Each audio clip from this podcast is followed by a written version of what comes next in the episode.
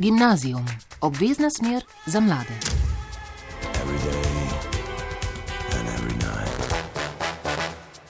Lepo pozdravljeni. Dijaki so z izjemo nekaj tednov na začetku novega šolskega leta doma že od lanskega marca. Strokovnjaki, profesori, starši in mladi sami opozarjajo na vedno manjšo motivacijo za učenje, na poslabšanje telesne učinkovitosti mladih, na porast duševnih stisk in na to, da se bližata maturi, zaključni letniki pa so še vedno doma. Dodatno negotovost dijakom zadnjih letnikov povzroča dejstvo, da vlada še ni dala soglasja k razpisu za upis na fakultete. Mladi združeni v gibanje Zahtevajmo šolo menijo, da so se odločevalci lotili reševati gospodarstvo, da so se spopadli s koronavirusom na zdravstvenem področju, na izobraževanje in mlade pa so pozabili. Na različne pogoje dela doma, na manjko šolske infrastrukture, primernih prostorov in pogojev za vadbo pa opozarjajo tudi dijaki umetniških smeri. Peticije, javna pisma, gibanje Zahtevajmo šolo, umetniški izdelki, pesmi objavljene na YouTubu in še marsikaj drugega jasno govori o tem, da mladi niso zadovoljni z izobraževanjem nadaljavo in da želijo nazaj v šole. Zakaj imajo vsega dovolj, na kaj želijo opozoriti in zakaj jih nihče ne sliši. O tem z našimi gosti v studiu z različnih šol, srednješolskih programov in iz različnih krajev. Danes so z nami Pika Drstvenšek, dijakinja tretjega letnika Konzervatorija za glasbo in balet Maribor, modul B, smer inštrument. Uh, Nace Korošec iz umetniške gimnazije, SVŠ Google, tretji letnik na dramski smeri. Marko Majetič, strokovni izobraževalni center, drugi letnik. Uh, Dan Grabnar, četrti letnik, gimnazija Poljane. Ajko Zakrajšek, tretji letnik, klasične gimnazije Poljane. To so torej gosti današnjega gimnazijuma, ki ga oblikujeva še Špela pred mikrofonom in David za tonsko mizo. Um, povedali smo, pogovarjali si bomo o tem, zakaj uh, pravite in pozivate um, tiste, ki odločajo, da si želite nazaj v šole. Um, že nekaj časa nazaj ste dijaki Združenju gibanje šo, zahtevamo šolo nesli na ministerstvo javno pismo, v katerem pozarjate, kako razmere v epidemiji in vladni ukrepi vplivajo na vas vas, tako na vaše izobraževanje, na šolanje, kot tudi na življenje nasploh. V njem ste zapisali, da učenje nadaljavo ni primerna rešitev za trenutno situacijo, da vaša izobrazba in razvoj stagnirata, da nimate časa, da bi čakali na umiritev okužb, ker vam svet v obdobju, ki bo sledilo, ne bo prizanašal. Hkrati ste zahtevali tudi sestanek z ministrico. Je do tega prišlo, Ajko, ali ste izvedeli, da ne? Ja, um, tako kot ste povedali, v bistvu se je vse začelo s pisanjem tega pisma oziroma peticije. Um, to je prišlo iz neke osnovne ideje, ki smo jo imeli z Danom in se je potem razvila v to, da sem jaz to idejo predstavila tudi v gledališki skupini Mlado Mladinsko, kjer je potem mentorca predlagala, da zberem pričanja pač različnih dijakov, ki so del skupine in sestavim neko pismo, ki bo v bistvu celostno pozvalo ministrstvo na to, da se na naš, naš poziv odzove. Um, peticijo smo potem peticijo in pismo smo v istem delu dnevu dali ven, kot smo tudi v bistvu ustanovili gibanje, ker smo en večer ob, ne vem, desetih zvečer, po mojem, se zbrali dijaki različnih gimnazij, ker se je dan povezal z dijaki iz, um, iz Viča, iz Bežigrada, iz Mariborske gimnazije in smo potem v bistvu formirali to gibanje. Um, Zbrali ste se na Zoomu, najbrž ne? Ja, ja, ja. da ne bo pomoč. Ja, definitivno. Um, in potem smo tudi v um, tisti petek, ko je peticija prišla ven, uh, pismo fizično odnesli ministrici in po neuradni informaciji je ministrica najavila, da bo ona to sama prišla iskati, ampak je potem poslala svojega sekretarja. Um, mi smo potem v bistvu dolgo čas, časa čakali na odgovor in danes bi mogli imeti po dogovorih um, sestanek.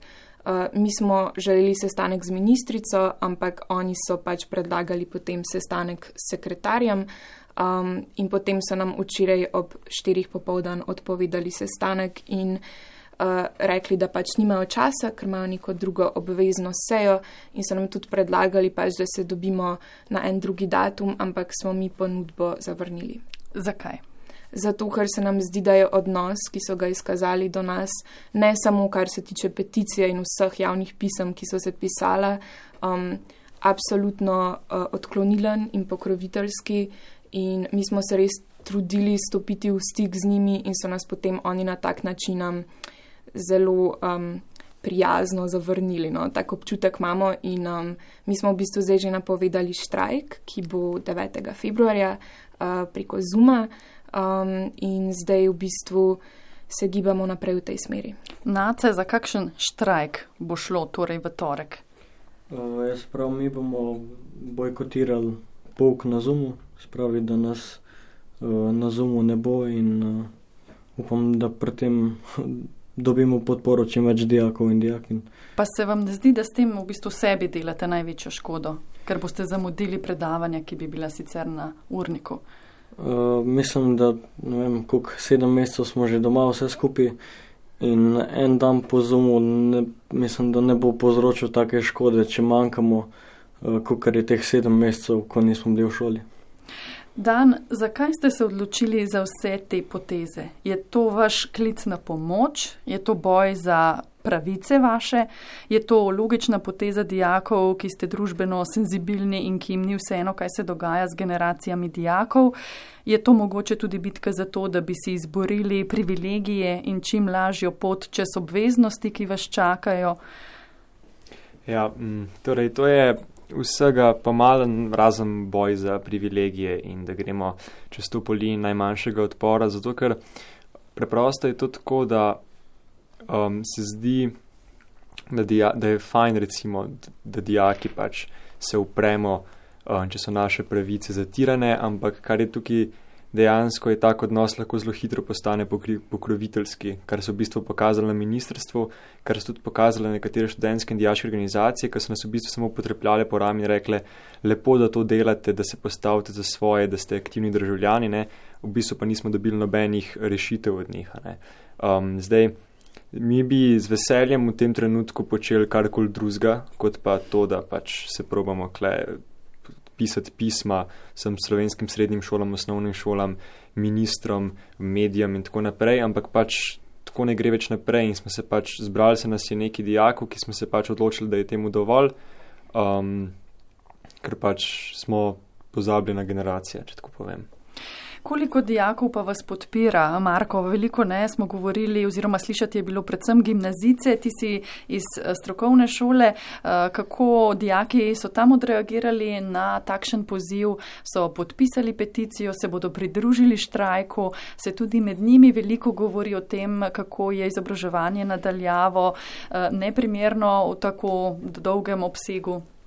Se pač pritožujejo se vsi, ne, da to ni nikakšen način šolanja ampak mislim, da so dijaki na poklicnih šolah zelo prilagodljivi in se jim gre sam za to, da bojo naredili letnik. Ne. E, do vse njim pa, koliko bojo s tem dejansko izobrazbe pridobili, pa tako ne. Sem realno pa tisti, ki jih njihov poklic zanima, da se hoče zelo izobraziti v tej stroki, pa jaz se kar pozna, da pač bo bili oropani te izobrazbe, da ne bo znalo upravljati svojega poklica in da ne bo mogli uspeti v življenju s tem, kar jih veseli. Pa sodelujete, Ajko, tudi kaj je z Dosom, prej je dan že omenil to sodelovanje, ki ni najboljše, kot sem zaznala iz njegovih besed, ker eh, je, se je predsednica Dosa nekaj je komunicirala tudi z ministrico, torej da nekaj komunikacije med to organizacijo, ki naj bi zastopala interese vseh dijakov in ministrstvom eh, je bilo. Ja, mi smo v bistvu imeli tudi sestanek z Dijaško organizacijo Slovenije, kjer smo se pač sestali predstavniki gibanja in pa predsedstvo. Um, predsedstvo je v bistvu izrazilo, da se tudi pač Dijaška organizacija zauzema za to, da bi se čim prej vračali v šole in kot pač posamezniki so na naši strani, ampak so zaradi tega, ker pač naj bi predstavljali mnenje večine dijakov vzdržani glede tega, da bi nas v našem gibanju podprli in to so nam pač tudi izrazili, um, ampak smo pa skozi v komunikaciji. E, zdaj, pika. Mladi umetniki oziroma dijaki umetniških gimnazij ne, ste pa opozorili na nesmisel situacije, v kateri ste se znašli, to je bil zdaj delen citat ne, vašega članka ali pa odstavka in sicer na drugačen način, ne s posebno priredbo Avsenikove pesmi in videa za njo. Kako je nastala ta ideja, kako se je vse to rodilo, naslovili pa ste to od umetnikov za umetnike? Uh, torej, v bistvu ena moja sošolka je bila, me je en popoldan pisala tako več ne gre, jaz bom tu naredila vstajo in v bistvu sem bila jaz tak. Glej, zberimo se vsi skupaj, vse ti in glasbeniki in baletniki iz vseh mest, več lahko dosežemo in smo se v bistvu potem tudi. Um, petek, dva dni kasneje, dobili na Zumu, ena taka skupina. In smo seveda najprej pač pisali vodstvom vseh šol, da, bi, da si želimo podpore, ki smo ga tudi dobili in smo preko njih tudi dobili neke zveze z mediji. Potem smo se pa mi v bistvu odločili, da bi bilo, da, kak, da, način, da je najboljše prikazati našo situacijo na način, ki ga mi najboljše poznamo, torej, na, um, torej z umetnostjo. In mislim, da smo s tem posnetkom res pokazali in povedali, s čim se bi mislili, da res soočamo. Ne, da, res, s čim se soočate? Torej, pouk, uh, individualni pouk in um, pouk trening, baletnih treningov, predvsem baletnih treningov, pač ne more potekati nadaljavo. Ker pri baletu je predvsem problem to, da ni prostora, da oni ne, Doma, oni ne napredujejo. Ne more biti plesišče. Točno to, ja. Um, niti nimajo pravi, pravih tal, niti nimajo prave opreme. Um, in to dejansko ne gre. Pri nas je pa problem to, pri glasbenikih, da v bistvu mi ne dobimo nobene poštene povratne informacije. Res je fajn, lahko si malo bolj organiziraš, imaš malo več časa za vaditi, ampak kar se pa tiče samega umetniškega dela, ga pa ni, ker ga preko videokonferenc ne moreš uh, izvesti. In zato smo mi tudi želeli izpostaviti predvsem to, da pouk individualni pouk in pouk baletnega treninga lahko varno poteka in smo mi pripravljeni narediti vse, kar je v naši moči in tudi šole so za nas pripravljene narediti vse, da bo to, da bo to varno potekalo um, in mislim, da smo tega zmožni in to smo želeli tudi izpostaviti. Povezali ste se pa dijaki umetniških gimnazij in konzervatorija za glasbo in balet iz večjih ne, uh, mest. Torej, ja, ne gre samo za Mariborski poziv, ampak za vseh. Za Povezali smo se z Ljubljanskim konzervatorijem in z umetniškimi gimnazijami v Celju, Velenju in Kopru. Pa povejmo, to so javne ne, šole. Javne šole, ja. Kako pa je na zasebnih? Um, je pa veliko nekih zgodb, da na zasebne, zasebne ja, eh, glasbene šole pa imajo pouk in da um, učenci lahko prihajajo na individualni pouk, če s tem ne prečkajo občinske meje. In prav tako tudi športniki lahko opravljajo svoje treninge in v bistvu mi nismo nič drugačni od njih. In naš razvoj pač trenutno stoji na mestu in mi kot umetniki se ne razvijamo sploh. In to je problem, ki ga mi izpostavljamo, in res pa če enkrat ponavljam, mi res lahko te stvari varno izvajamo. Pa prisluhnimo torej te uh, skladbi, ki ste jo naredili uh, dijaki umetniških uh, gimnazij, seveda pri nas v audio izvedbi, na YouTubu pa tudi video.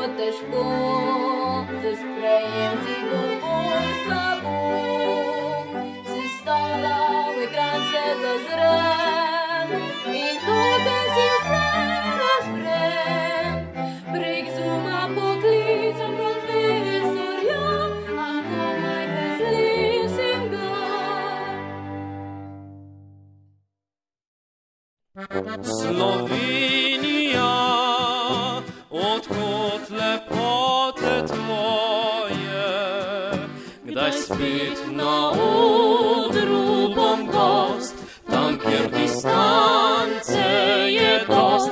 Slovenija, do tebi pisem poje, a je še sreča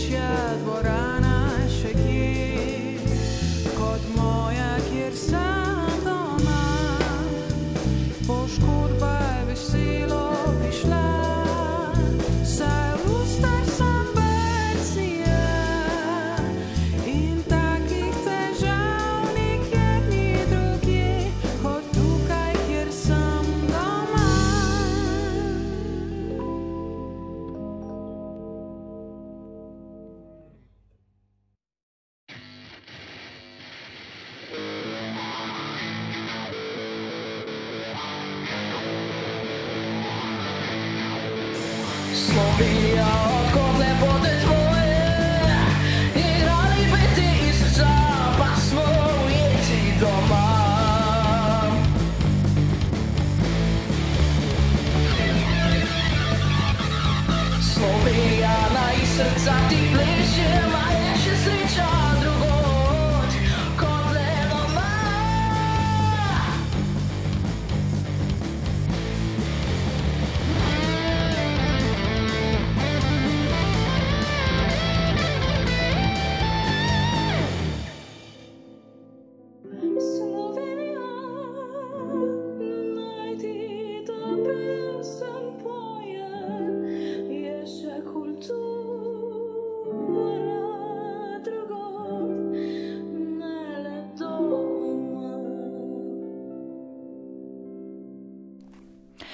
Takole so zapeli, zaigrali na glasbila in tudi zaplesali dijaki dveh konzervatorijev za glasbo in balet in umetniških gimnazij. Torej, priredba znane slovenske melodije in eh, z njo so razkrili razmere, v katerih um, so se znašli. Marko, eh, na kaj bi pa ti želel opozoriti, ko govorimo o šolanju nadaljavo dijakov iz tvoje šole? Ne, recimo, samo taki stroki, kjer se kruh prosluži z trdim delom. Ne. In zato je potrebna disciplina. Ključ do uspeha je pač disciplina, kar nam nudi tudi šolanje. In če nam dana, dano tok proste volje, v bistvu discipline ne bomo bili naučeni. Tako da mislim, da disciplina je uno, ki najbolj manjka iz pršolnu na daljavo.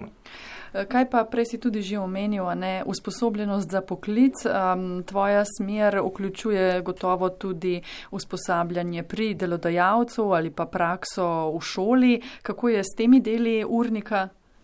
Ja, mogli bi imeti dva dni v tednu, bi rabili imeti prakso. Ne. Zdaj, dokler je še bila šola, so imeli dijaki možnost, da grejo prakso upravljati ven iz šole. Eni smo se odločili, da ostanemo v šoli in se učimo s profesori. Tako da zdaj, ko je prišla karantena, um, oni, ki so šli k delodajalcu, še vedno prakso upravljajo, mi, ki smo pa v šoli ostali, pa smo pač ostali brez prakse. Ne. Zdaj praksa poteka tudi uh, tako, da moramo pisati dnevnike, uh, kaj smo delali pri praksi, kar tudi zelo težko, ker prakse ni. Ne. Tako da moramo v bistvu iz glave povedati, kaj, kar smo delali in tako. Čisto improvizirano vse skupaj. Pa se da naučiti prek zuma, um, ne vem, kako se sestavi, razstavi nek stroj ali pa ne vem, kaj imate vi za nalogo. ne. Um, se da to, če vam nekdo posname se, kako to naredi, da potem vi sami, ko si ogledate ta posnetek, rečete, da se to bi pa šlo, to pa že znam.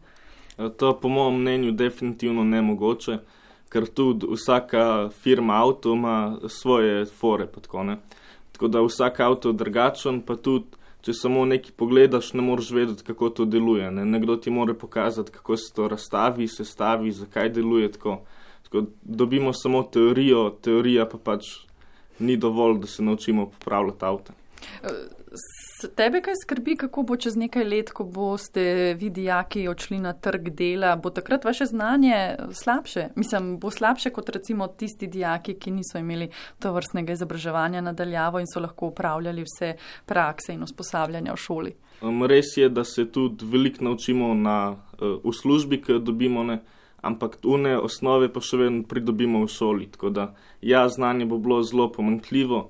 Tako zelo toplo priporočam vsem, da avto peljejo v Avstrijo popravljati, ne, tukaj nam noči z tega pomoč. No, zdaj ta črn humor, ne, če lahko tako rečemo, ampak uh, ideja oziroma ne, um, poanta je pa prava. Ne, torej, kaj bo z mladimi čez uh, takrat, ko boste prišli na trg dela? Če se že vi mladi tega zavedate, se bodo najbrž tega zavedali tudi delodajalci in stranke. Ne? Ja, pač treba vedeti, ne, da to delo, ki ga moraš opraviti dobro, če ne, so tudi posledice. Ne.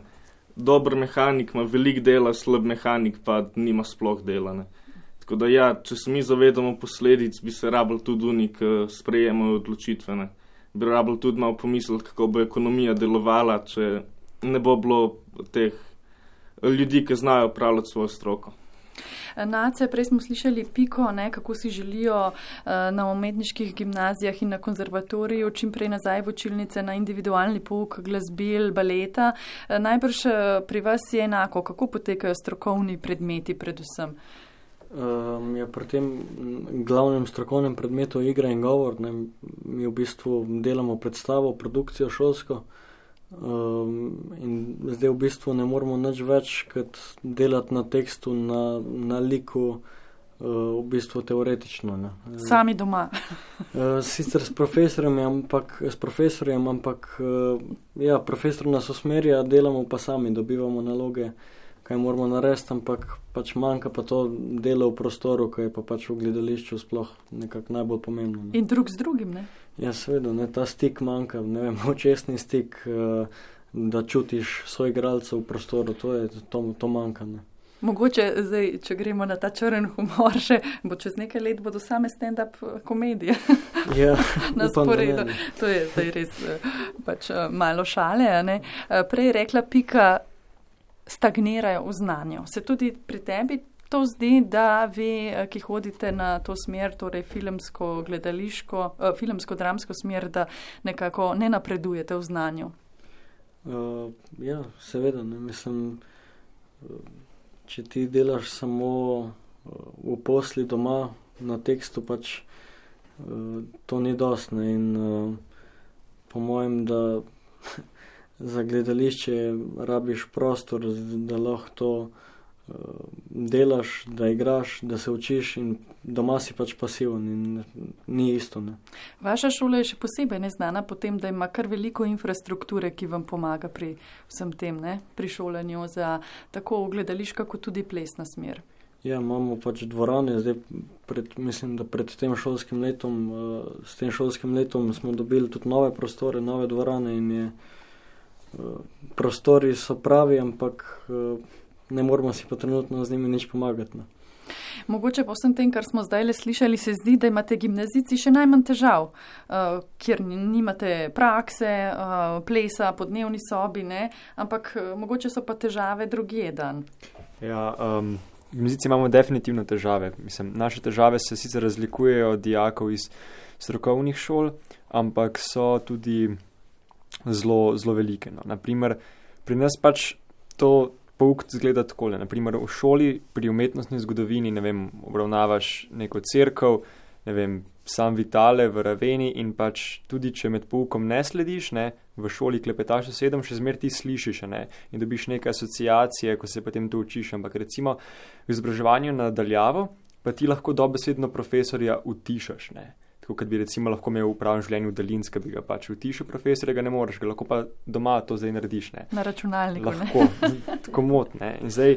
In pač delaš kar koli drugega hočeš. Mogoče to se ne pozna toliko pri dijakih četrtih letnikov, se pa pozna tudi pri osnovnih šolah, pa tudi dijakih prvih, drugih, tretjih letnikov. Zaradi tega, ker znanje se tukaj gradi, kaj se gradi znanje jezikov, um, slovnice, humanistike, tudi naravoslovja, ne? seveda matematike, to se samo stopnjuje, stopnjuje, stopnjuje ampak če nimaš dobre podlage, nikamor ne boš prišel. Ne? In zdaj to, da pač dijaki dajo profesorja na mute, to se mi ne zdi, da je pač neodgovornost dijakov, zaradi tega, ker pač ti, ko si v šoli, ne, se pač institucije in človeštvo zaveda, da ti si še zmeraj nekdo, ki ga morajo vzgojiti. Ne. Zdaj tudi šola je vzgojno izobraževalna ustanova. Ne. In zdaj ti moraš še zmeraj, kot je že prej Marko povedal, neko disciplino, ki ti jo pač dajo profesori. Ampak če jih lahko ti utišaš, dobesedno samo z miško, ti te discipline ne moreš dobiti. Ne? Aha, ampak nekdo bi rekel, pa se eh, to, zakaj bi pa dijak to naredil, sam si je potem kriv. Ja, zato, ker preprosto ne zmoreš več. Ne? Ko ti ustaneš zjutraj in veš, da pač tvoj dan bo zgledal tako, da boš najprej 8 ur sedel pred računalnikom, bolj te bo oči, vse hrbet in boš ti gledal v un ekran, pol boš popovdne se še učil doma, prijateljev boš videl, kolikor si pač jih upaš videti, če tako rečem. Ne? Ja, prek zaslona spet. ja, in dan je isti, pač ponavljajo se, dnevi so brezvezni. No, in sem, po mojem, čist človeško, da človek le zgubi totalno motivacijo, da bi sploh sledil šoli. Ampak kaj, ko večkrat smo slišali, kako uspešna je Slovenija pri to vrstnem izobraževanju, da ste šolari in učitelji dobro opremljeni in da imate oboji vsa potrebna tehnična znanja za to vrstno izobraževanje. Ja, jaz bi se ta, tukaj takoj um, bi zanikala to izjavo, zato ker se mi zdi, da je tudi zelo jasno, mislim tudi pač profesori, ki mene učijo na začetku te karantene, mislim, zdaj smo se že navadili tega dela nadaljavo, ampak so tudi profesori, a ne, potrebovali dodatno usposabljanje za zume, um, mogli so se naučiti, kako uporabljati tablice, kako um, share screen, kako delati vse te tehnične stvari, ki pridejo zraven s poukom nadaljavo, ki je pač celotno situacijo poučevanja res otežil. Um, druga stvar pa se mi zdi, da ta izjava ne more, pač ne more biti pravilna že samo zaradi tega, kako jaz vidim med, med mojimi sovrstniki in pa preseb, koliko je res, tudi če imamo opremo, jaz sem naprimer zelo privilegirana in imam pač na voljo vse, kar potrebujem za pouk. Um, tukaj ne gre samo za sredstva, ampak gre tudi za nekaj drugega, kar je zraven, kar je že dan omenjal. In to je pač ta motivacija in pozornost, ki ti jo privzgaja šolski sistem in pač šolska institu institucija, ki jo obi obiskuješ. Druga stvar je pa tudi, da v bistvu zelo veliko se govori, govori o tem, kako smo vsi na istem, ampak to absolutno ni res. Nekaj, kar se skozi poudarja, je tudi to, da pač smo iz različnih okolij, z različnimi um, pogoji življenja in ne vem, pač ljudje, ki živijo v velikih družinah, si delijo sobo s vrstniki, uh, so doma deležni fizičnega ali pa psihičnega nasilja, v tem času res, um, res trpijo, ker šola predstavlja tudi neke vrste varnost za vse dijake in za vse učence. Um, Problem pa je tukaj, se mi zdi, tudi pri profesorjih in pri učiteljih, ker tudi tukaj motivacija zelo pada, um, ker ta stik z dijaki, ta neposredni stik um, je nekaj, kar res manjka. Ne vem, jaz sem se ravno zadnjič pogovarjala z eno profesorico in mi je razlagali, da pač je res hudo, ko gleda pač naše prazne izraze po zumu oziroma izklopljene kamere in nima zares stika z nami in ta občutek predajanja znanja ni več isti, ker tu, če ti v šoli ne slediš, si vseeno prisoten. Tukaj pa pač, kot je Dan rekel, se ti lahko izključiš. In um, se mi zdi, da je ena stvar, ki je tudi zelo problematična v tem času, mentalno zdravje in pa tudi pač fizično zdravje, zato ker gibamo se veliko manj. Um, športna vzgoja je vseeno zelo pomembna v pač odraščajočem času. Um, ampak psihično zdravje pa še bolj, zato ker smo v bistvu čisto zaciklani v ta nek svet, ki nima več veliko veze z realnostjo, ampak je samo še na internetu. Nace, ti si dvignil roko, ali ne? Um, ja, to, kar je Ajko rekla, pač, da nismo vsi v istem okolju, že če predpostavljamo, da uh, imamo najviše možno motivacijo in koncentracijo, pa uh, vso tehnično opremo je pač lahko prav ta tehničen problem.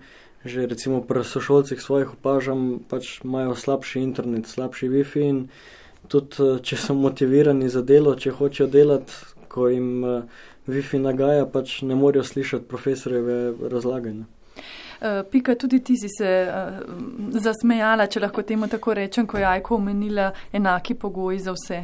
Ja, pač jaz bom rekla to, ne. Mislim, pri nas je predvsem vidno to, ker jaz imam sošolce iz cele Slovenije. Imam sošol, ne vem, imam recimo sošolko iz Solčave, pa je bil sneg, pa je padel sneg, pa cel dan ni imela interneta. In lahko imajo oni vso opremo doma, vse lahko imaš doma, pa če ni interneta, to ni to. Um, je pa res, da tudi profes za profesorje je res, da tudi pač tudi samim profesorjem um, pada motivacija, ampak moram reči, da pri nas se vsi nekako držijo po konci in na začetku vsake ure zdravo, kak ste, se lepo nam nasmejijo, prijazno, vse bo v redu, vse bomo, vsak dan smo bliže k temu, da pridemo nazaj. In moram reči, da pač res eh, poskušajo ohranjati to neko pozitivo, kljub temu, da um, smo za veliko stvari pač prikrajšani. Ne. Marko, omenili smo, um, da dijaki kdaj izklopijo učitelja, ne? Uh, je pa težava tudi to, da dijaki sploh ne pridejo na zumne. Ali lahko ti primeraš na začetku tega izobraževanja nadaljavo, ste bili najbrž vsi dijaki na zumu, kako je danes, um, slediš ti, koliko tvojih sovrstnikov sploh slediš temu šolanju in kolikšen je osip oziroma nezainteresiranost za karkoli šolskega? Ja, na začetku šolanja nadaljavo je bilo več lumensko vsi dijaki. Ne. Tako počasi je pa začel padati število dijakov prisotnih, Tako zdaj, če nas je pol na pouku, je to že kar velik uspeh. Ne. Tudi unike pa so samo preklopljeni, pa vržejo telefon nekam ob kavč, pa gledajo televizijo, tako sploh ne sledijo pouku v bistvu. Eh, torej, ta motivacija smo ugotovili eh, močno pada, vseeno pa najbrž moramo povedati, da en določen delež dijakov pa nekako se je zelo dobro znašel v tej situaciji in jim to eh, odgovarja, ne recimo sami, če so samodisciplinirani, lahko si lažje organizirajo čas, mogoče celo hitreje predelajo kakšno snov ali pa naredijo nalogo, ne, če so hitrejši na določenem področju. Um, ali se torej razlike med dijaki dan povečujejo? Kako ti to opaziš? Um, ja, torej mislim, če tako povem, ko smo mi tudi objavili to peticijo, pismo, gibanje, smo dobili tudi, moram priznati, da tudi velik odpor od dijakov. Um, pač, mislim, nekateri se pač s tem znajdejo ali pa jim bolj odgovarja. No. Jaz moram reči, da kot opažamo, kot tudi opozarjajo stroka, mediji, profesori, večina dijakov je pač takih, ki so se navadili na to, so postali apatični in jim pač ugaja, da recimo lahko zjutraj se preklopijo na telefon, ga vržejo nekam, pa gledajo televizijo cel dan. Ne. Zdaj jaz pač razumem, da nekaterim dijakom to odgovarja, ne. ampak moramo vedeti, da pač tukaj v našem gibanju to niso samo to, da se moramo mi vrniti v šole, to ni samo mnenje um, nas, pari dijakom, ampak to je mnenje stroke, to je praktično vsak strokovnjak, pedagog, psiholog, kdorkoli pove, da pač to ni več zdravo. zdravo in ni več sprejemljivo. Ne. In zdaj ta apatičnost pri dijakih, um, pri, pri tistih, ki ne morejo uh, pač delati nadaljavo več, bo samo še hujša. Prav tako pri tistih, ki jim pač to ugaja, da pač ne rabijo delati pri pouku, bo tudi samo še hujša. Tako da v bistvu samo bredemo in zdaj, tle, kaj bomo ostali doma, hujše bojo te posledice. No. Ajko? Ja, pa tudi meni se zdi pomembno izpostaviti, da situacijo, v kateri smo se znašli, ni običajna situacija. In dejstvo je, da na neki točki bomo mi mogli iti nazaj v šolo. In s tem, da se skozi izpostavlja, kako smo v bistvu v Sloveniji um, res dobro pripravljeni na to situacijo, se mi zdi, da se ustvarja tudi neki izgovor za to, da se ne išče rešitve, kako bi se nas na seveda varen način čim prej vračalo v šole. Ker vi verjamete, da tudi um, v tej slabi epidemiološki sliki bi se dalo narediti več, da bi bili dijaki v šoli ali pa vsaj v določenem obdobju z menjavanjem ali, bi, ali pa samo pri določenih predmetih, če te zdaj prav razumem. Ja, definitivno. Mi se res zavedamo, da je situacija oziroma epidemiološka slika trenutno slaba. In podpiramo vse ukrepe, podpiramo nošenje mask, vse to podpiramo, ampak se nam pa zdi, da vlada v trenutku, ker mi smo vedeli, da bo prišlo do drugega vala, ni vlagala denarja v izobraževanje oziroma v boljše prezračevanje, v ustvarjanje. Mislim, že, že iz začetka bi mogli nositi skozi maske. Pač ni se v bistvu gradil na teh ukrepih, ki bi zagotovili to, da bi mi ostali v šoli čim dlje, kot bi se dalo. In tudi trenutno tako kot ne vem, smo se že prej pogovarjali in z vajami za inštrument, baletne vaje, prakse. To bi se vse lahko izvajalo na nek varen način z neko zagotovljeno razdaljo. Sploh pa smo mi tudi v gibanju se veliko pogovarjali o metodi hibridnega učenja, ki bi v bistvu potekala na ta način, da bi polovica dijakov lahko pač spremljala pouko doma, um, polovica bi bila pa pač v šoli. In s tem bi tudi zagotovili varnost tistih, ki so v rizičnih skupinah oziroma imajo doma družinske člane, ki so v rizičnih skupinah. Dan, ti si želel omeniti. Um, ja, torej mislim, rešitve in opcije, da se lahko prekine to, ta agonija izobraževanja nadaljavo, so in pač zakaj jih pristojni ne iščejo, mi ne vemo. To smo hoteli danes izvedeti od njih na sestanku, ki so ga zavrnili. Pač, če pogledamo čisto kronološko, mi smo bili doma od marca do junija. Ok, pač ta karantena je prišla zelo nepričakovano, kaj dosti ni dal narediti. Ampak potem celo poletje se v infrastrukturo v šolah ni čisto nič vlagali. Zdaj, čisto konkretno, lahko bi naredili mize, kjer lahko samo en dijak, pri tem lahko bi naredili te razne vizirje, lahko bi povečali prezračevanje, kot so naredili recimo v Nemčiji, kjer so v infrastrukturo zelo vlagali in zdaj so oni dejansko v šolah in tako naprej. Ne. In tudi zdaj, mi smo doma že koliko, zdaj bomo četrti mesec doma in niso nič naredili v šolah, da bi omogočili varno vrnitev. Zdaj, zakaj ne, upam, da bo enkrat odgovorilo, no, pa čim prej, če se da. Ja. So ti mudi v šolah? Ja, sem mudi. Ja. Eh, že prej si omenil nekaj, mislim, da si rekel, politiki so pozabili na vas ali da ste pozabljena generacija, ne? Ja, pač mislim, družba je sestavljena iz pač več generacij. Ne. Zdaj, um, mi totalno razumemo, pa mi smo tudi zato, da pač se upošteva epidemiološko sliko, zato ker pač so ljudje, ki so ogroženi tukaj, pa so rizične skupine. Ne. Ampak do neke mere smo tudi mladi tukaj rizična skupina. Ne. Zdaj, jaz, mi ne pravimo, da zdaj bi mogli iti v šolo in bi s tem šli tako, da bi tvegali, ok, damo to rizično skupino, tvegamo, pa ta bo potem pridobila. Ampak rešitve so in bi se jih lahko našlo, ampak se jih ne. In ker se jih ne najde, pomeni, da smo pač mi nekako pozabljena generacija, torej na nas se več ne gleda.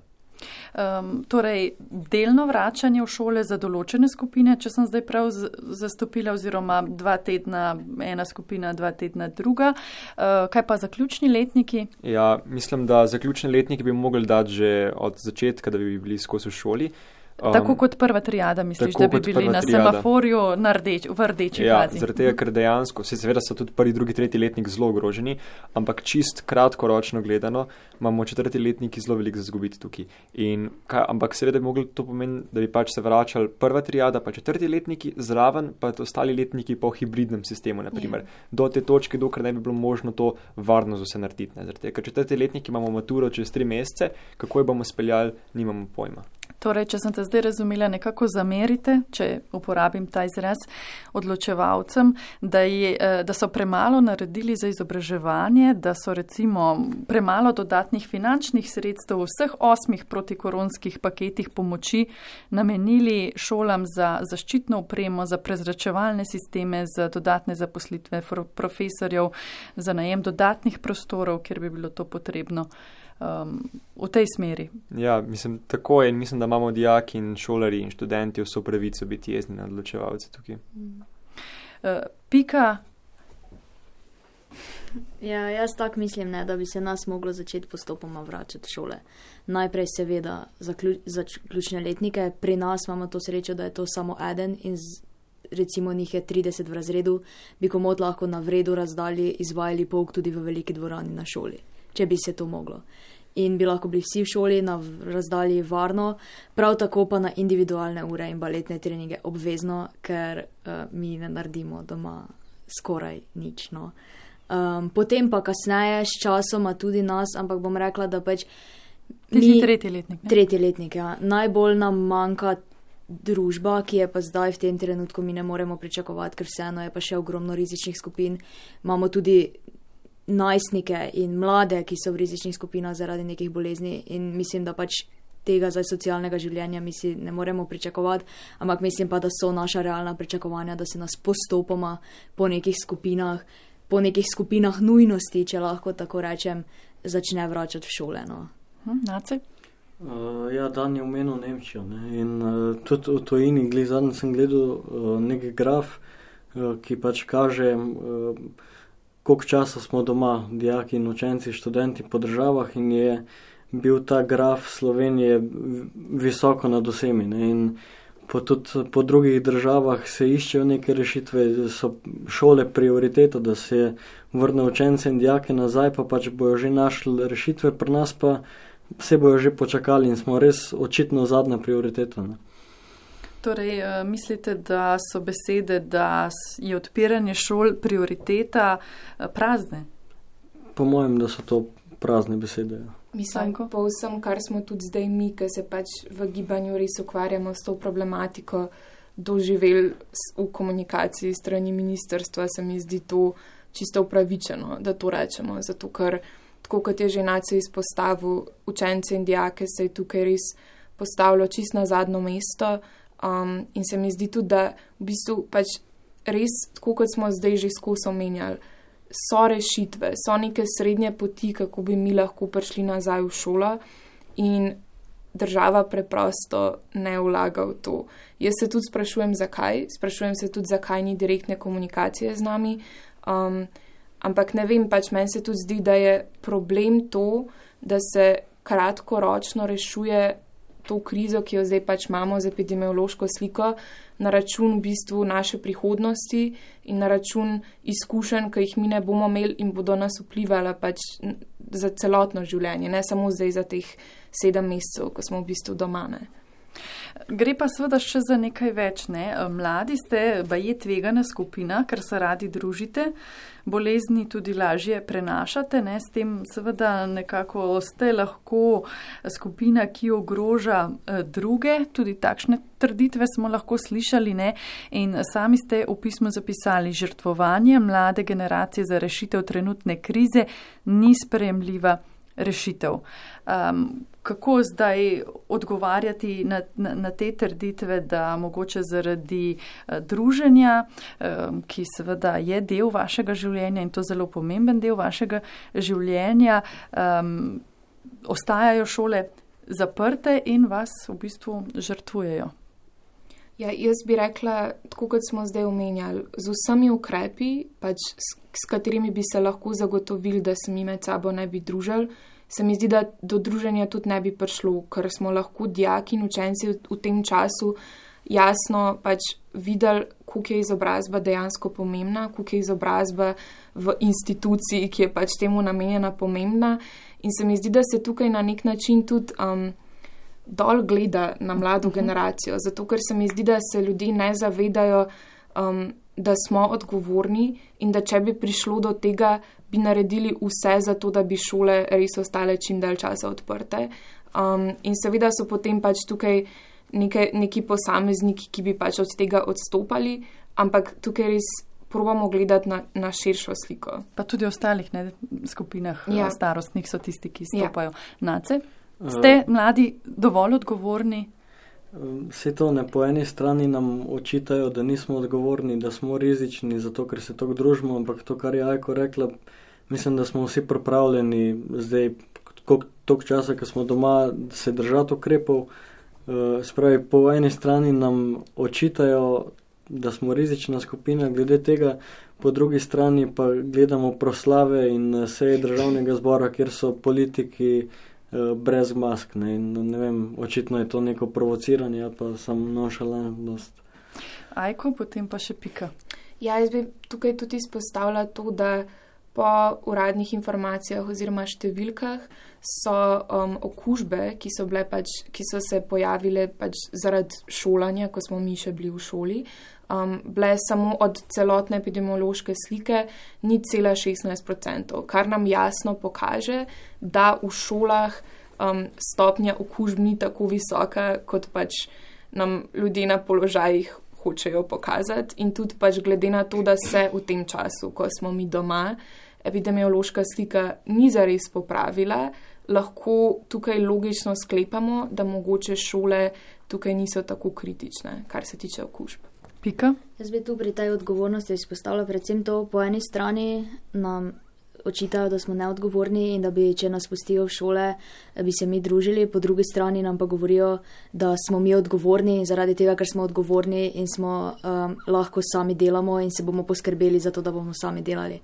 In sem zdaj tak, mislim, ok, sej ne rečem, sej je bilo pri tem, pri tem šolanju nadaljavo tudi kakšna dobra stvar ali dve, smo se malo naučili samodiscipline, malo naučili nekateri, malo naučili neke odgovornosti, ampak vseeno pač po eni strani pričakujejo od nas odgovorno ravnanje, po drugi strani pa nam govorijo, da nismo odgovorni.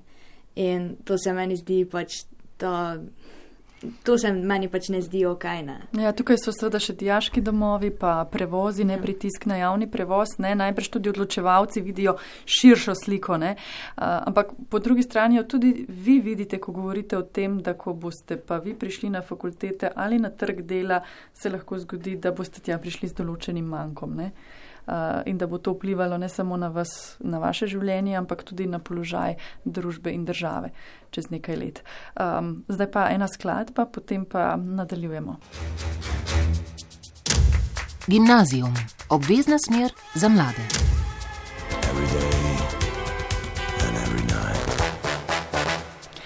Pika, Ajko, Nace, Dan in Marko so z nami na prvem. To so mladi, ki so se izpostavili in na glas povedali, da jih razmere skrbijo in si dijaki želijo nazaj v šole. Uh, omenili smo tudi že zaključne letnike, ne, te čakata poklicna in splošna matura, to zadeva 16 tisoč dijakov. Uh, tu z nami si samo dan, ti maturant, ne, te je že kaj strah.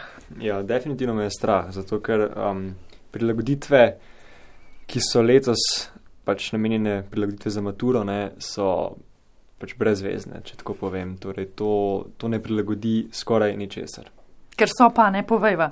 Splošen desetodstotni bonus bo veljal pri vseh na neuspešno upravljeni del zunanjega dela izpita, potem se bo povečala izbirnost vprašanj, na katerega boste odgovarjali ali pa pisali dijaki, pa zmanjšala se bo količina vsebin na ustnih izpitih in izpitnih lističev oboje za 15 odstotkov. Ja. Ti si mnenja, da to ni dovolj. Ja, seveda sem mnenja, da to ni dovolj, zaradi tega, ker pač to so, to je kot bi rekel, neko poliranje na vsega tega, zato je, ker mi smo zdaj doma, pa najbolj bomo doma vsaj 9 mesecev in to je, to je 20% snovi, ki je pač mi nismo dobili za res, kot bi jo mogli dobiti. Ne.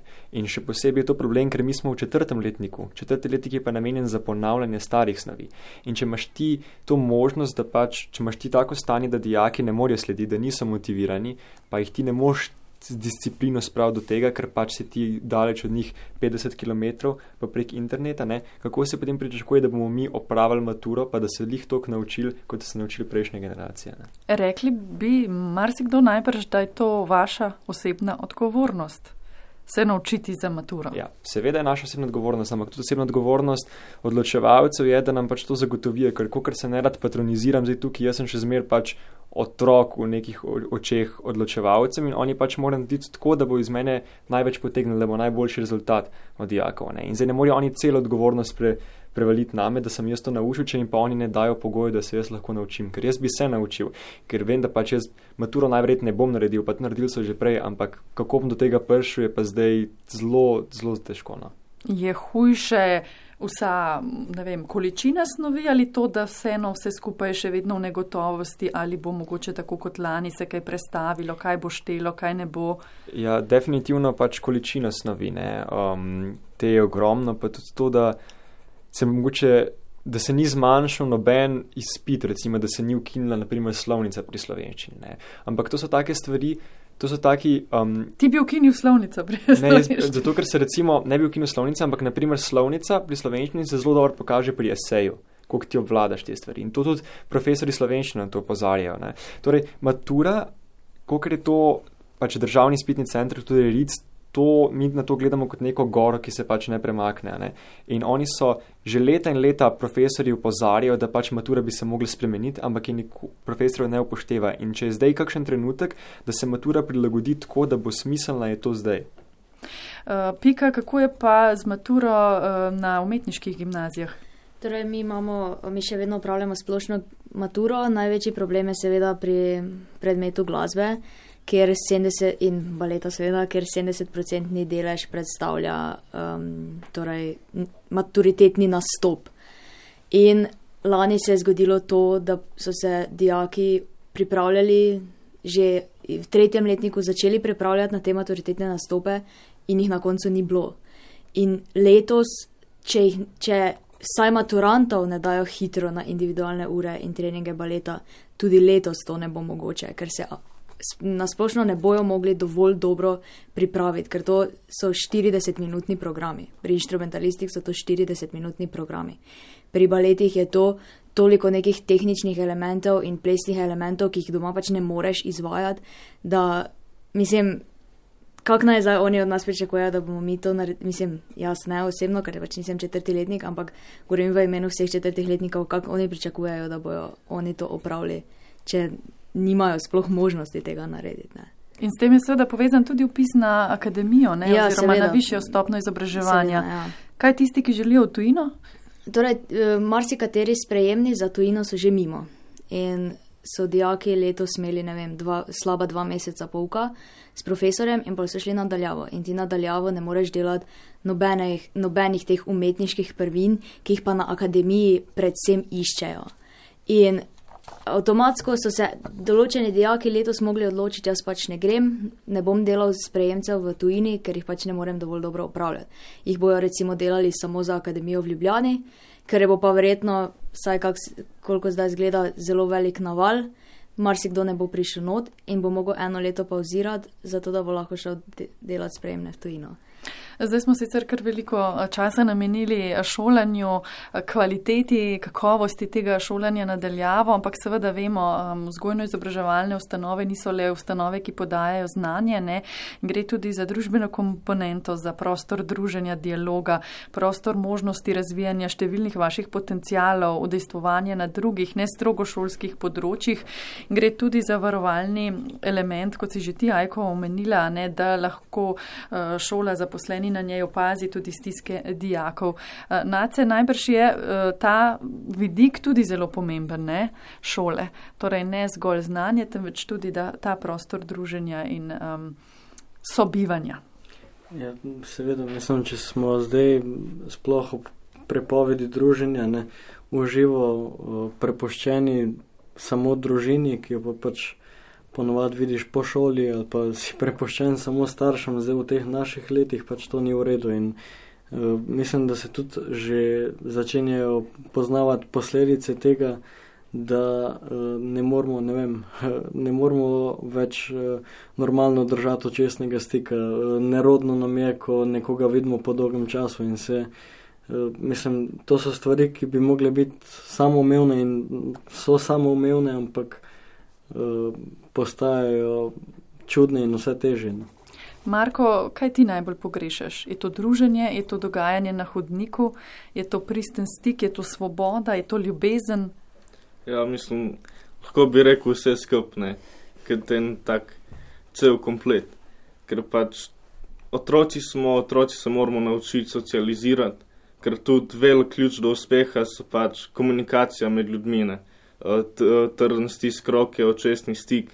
Tako, ja, definitivno manjka tega.